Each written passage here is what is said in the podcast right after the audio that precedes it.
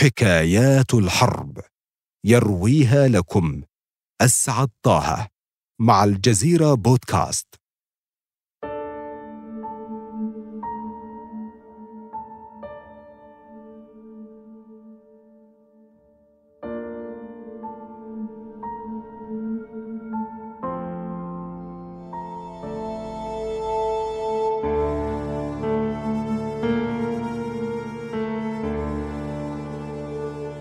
المزور الشريف. إذا كنت تمتلك موهبة من شأنها أن تنقذ الأرواح لكنها في الوقت نفسه تضع روحك على المحك.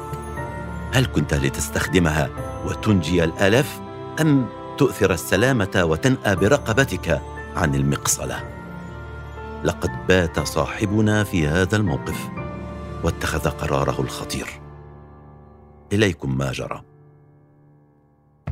في عام 1971 يقرر الرسام والمصور الأرجنتيني أودولفو كامينسكي أن يمسك قلمه للمرة الأخيرة. نعم القلم لا الفرشاة ولا الكاميرا. ستكون هذه هي عملية التزوير الأخيرة في مسيرة ناهزت الثلاثة عقود. حاول خلالها الرجل إخفاء آثاره بعمله في الرسم والتصوير بينما كانت موهبته في أمر مختلف تماما. تبدأ القصة في الأول من تشرين الأول أكتوبر لعام 1925 حين وضعت أسرة كامينسكي اليهودية الروسية مولودها الجديد وأطلقت عليه اسم أودولفو. وما هي إلا سبع سنوات حتى يقرر الأب الهجرة مع أسرته إلى فرنسا.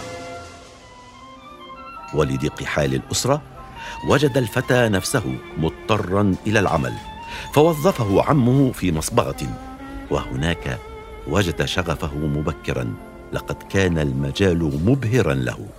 أضع الثوب في حوض مليء بالماء الملون وما هي إلا دقائق حتى يتلون الثوب. ويصبح الماء صفيا كان هذا مدهشا.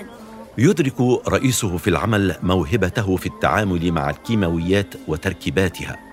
يتحداه أن يزيل أصعب البقع الصبغية. وفي كل مرة ينجح. وإلى جانب هذه الموهبة يعزز الفتى ملكاته بالقراءة والاطلاع على المقالات والأبحاث المتخصصة.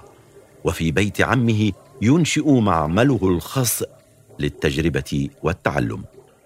تمر الأيام وتندلع الحرب العالمية الثانية ويجد الفرنسيون الجيش النازي فوق رؤوسهم في كل مكان حتى بيت أسرة الصبي سقط في أيدي الاحتلال النازي. ينزح أهله منه إلى بيت أحد الأصدقاء يحل عام 1941 تقتل أم أدولفو على يد القوات النازية. لا يمر عامان حتى يجد الفتى نفسه مع عائلته في معسكر الدانسي المخصص لليهود.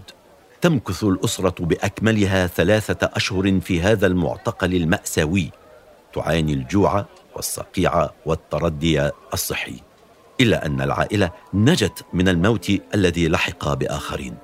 ثم يأتي الفرج اثر تدخل القنصلية الأرجنتينية في فرنسا. ليجد الأب نفسه مع أسرته خارج المعتقل. يقرر الانتقال إلى باريس. يدرك أخيرا أن هوياتهم اليهودية سوف تسبب لهم العديد من المشاكل مع الجيش النازي. فلما لا يقتني هويات زائفة له ولأسرته ليحميهم من تكرار المعاناة.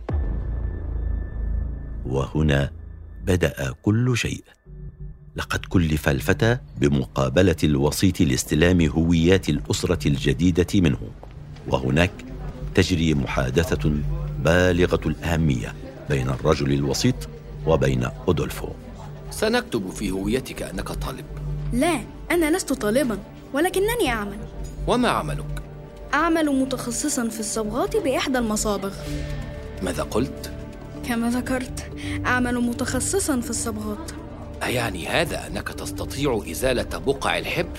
نعم أستطيع إزالة أي نوع من الأحبار. لدينا نوع من الحبر يستعصي على الجميع. حبر العلامة المائية الأزرق. هل يمكنك إزالته؟ يريه الفتى معادلة كيميائية يمكنها أن تنجز المهمة. يعرب الرجل عن دهشته ويعرض على الفتى الاشتراك معهم في تزوير الأوراق. لم يتردد الفتى ولو للحظة في قبول المهمة. يكتشف مشاكل مختبر التزوير من أول وهلة ويعاونهم على حلها. وإذا كانت هناك مشكلة النقص الشديد في الأوراق الرسمية الأصلية اللازمة لعملية التزوير فلماذا لا يقومون هم بصناعتها وتأمين كل ماكينات الحبر واللحام وما تطلبه عملية التزوير؟ يبهر الفتى من حوله. وسرعان ما يترأس قسم التزوير في المقاومة الفرنسية. يذاع صيته في الأرجاء. يزور الوثائق لكل اليهود في مناطق نفوذ النازيين. تنقذ أنامله حوالي أربعة عشر ألف روح قبل إرسالها إلى المحرقة. يمكث في عمله دون مقابل حتى تضع الحرب أوزارها. كان أمامي مئات الوثائق للقيام بتزويرها في ثلاثة أيام. وكنت أنجز ثلاثين وثيقة كل ساعة.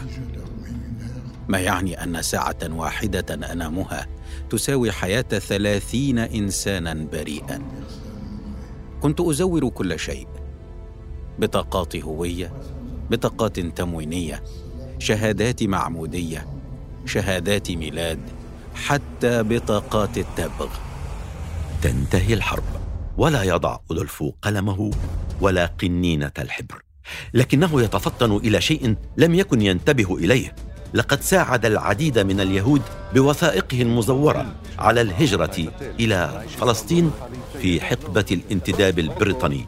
ظنا منه أنه ينقذ أرواحهم لكن بمجرد إقامة الكيان الصهيوني على الأراضي الفلسطينية قرر الرجل أن يتوقف عن مساعدة اليهود في هجرتهم إليها.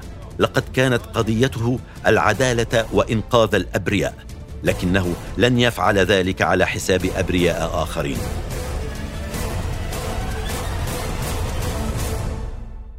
لاحقا تضمه القوات الفرنسية المقاتلة إلى صفوفها عرفانا بدوره أيام الحرب لكنه لا يلبث معهم طويلا.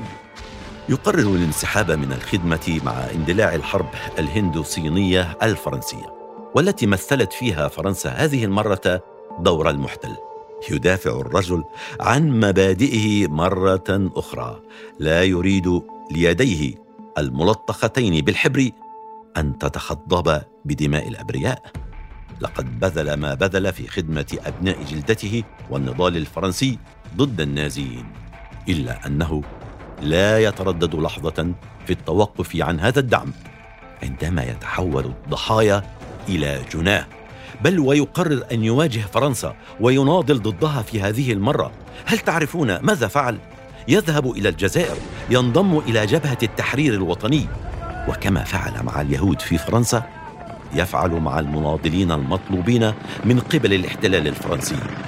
يزور اوراقا ثبوتية للعديد من الجزائريين الملاحقين خلال ثورتهم. يمنح لقب المجاهد كامينسكي.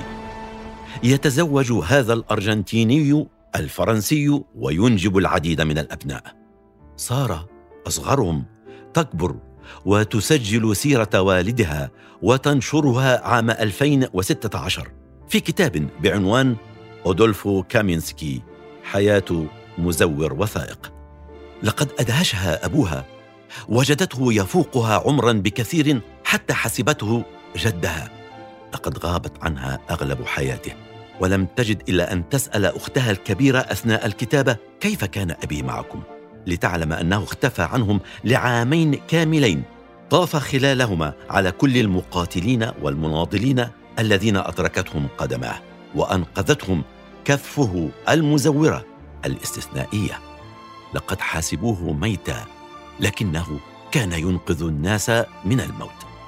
في أمريكا اللاتينية والكاريبي وفي إفريقيا حقبة الخمسينات والستينات وفي أوروبا وحتى الولايات المتحدة لم تسلم من مقاومة كامينسكي الذي جند موهبته في خدمة المجندين الرافضين لحرب فيتنام. هؤلاء كلهم كانوا في حاجة إلى أوراق تغير هويتهم وتنقذ رقابهم. ولم ينفك فتى الصباغة الذي صار كهلا عن خدمتهم أجمعين. المساجين واللاجئين والنازحين والثوار. لقد كانت قضيته هي العدالة. أينما حلت أو ارتحلت رحل معها. رحلة تستمر لنحو سبعة وعشرين عاما. يضع فيها الرجل رأسه على كفه ولا يجد حيلة تحميه إلا التخفي وراء مهنة التصوير. والادعاء بأنه رسام ليضع سببا منطقيا لوجود روائح الصبغات والكيماويات بمنزله. تقول سارة ابنته طوال فترة طفولتي عندما كانت صديقاتي تسمع قصص آبائهم الخرافية كان والدي يقص لي قصصا عن أبطال مغمورين بمبادئ صلبة. استطاعوا أن يصنعوا المعجزات دون أي حاجة لرفع السلاح أو وقوف الجيش معهم ودون الحاجة لوجود أتباع أو مريدين. فقط كل ما كان يملكه هؤلاء الرجال وتلكم النسوة هو الشجاعة والإصرار. ولقد استوعبت لاحقا أن والدي كان يقص علي قصته هو. وحين سألته مع كل ما قدمت من تضحيات. هل تشعر بالندم على شيء؟ أجابني لا. فلم يكن بمقدوري أن أشاهد الناس يظلمون أو أعلم بمكان يظلمون فيه دون أن أتصرف حيال ذلك. كان الرجل يتمنى عالما لا يحتاج تزويره ولا تزوير غيره. عالما أكثر امانا لهؤلاء المطاردين والمشردين الذين يحلمون بليلة آمنة في كنف أحبائهم. لقد تمنى أن يمنحهم العالم ما كانت تمنحه لهم يداه. الآن ماذا ترون؟ هل كان كامينسكي مجرما أم مكافحا للإجرام؟ على كل حال إلى هنا تنتهي الحكاية. لكن حكايات الحرب لا تنتهي ابدا. اسعد طه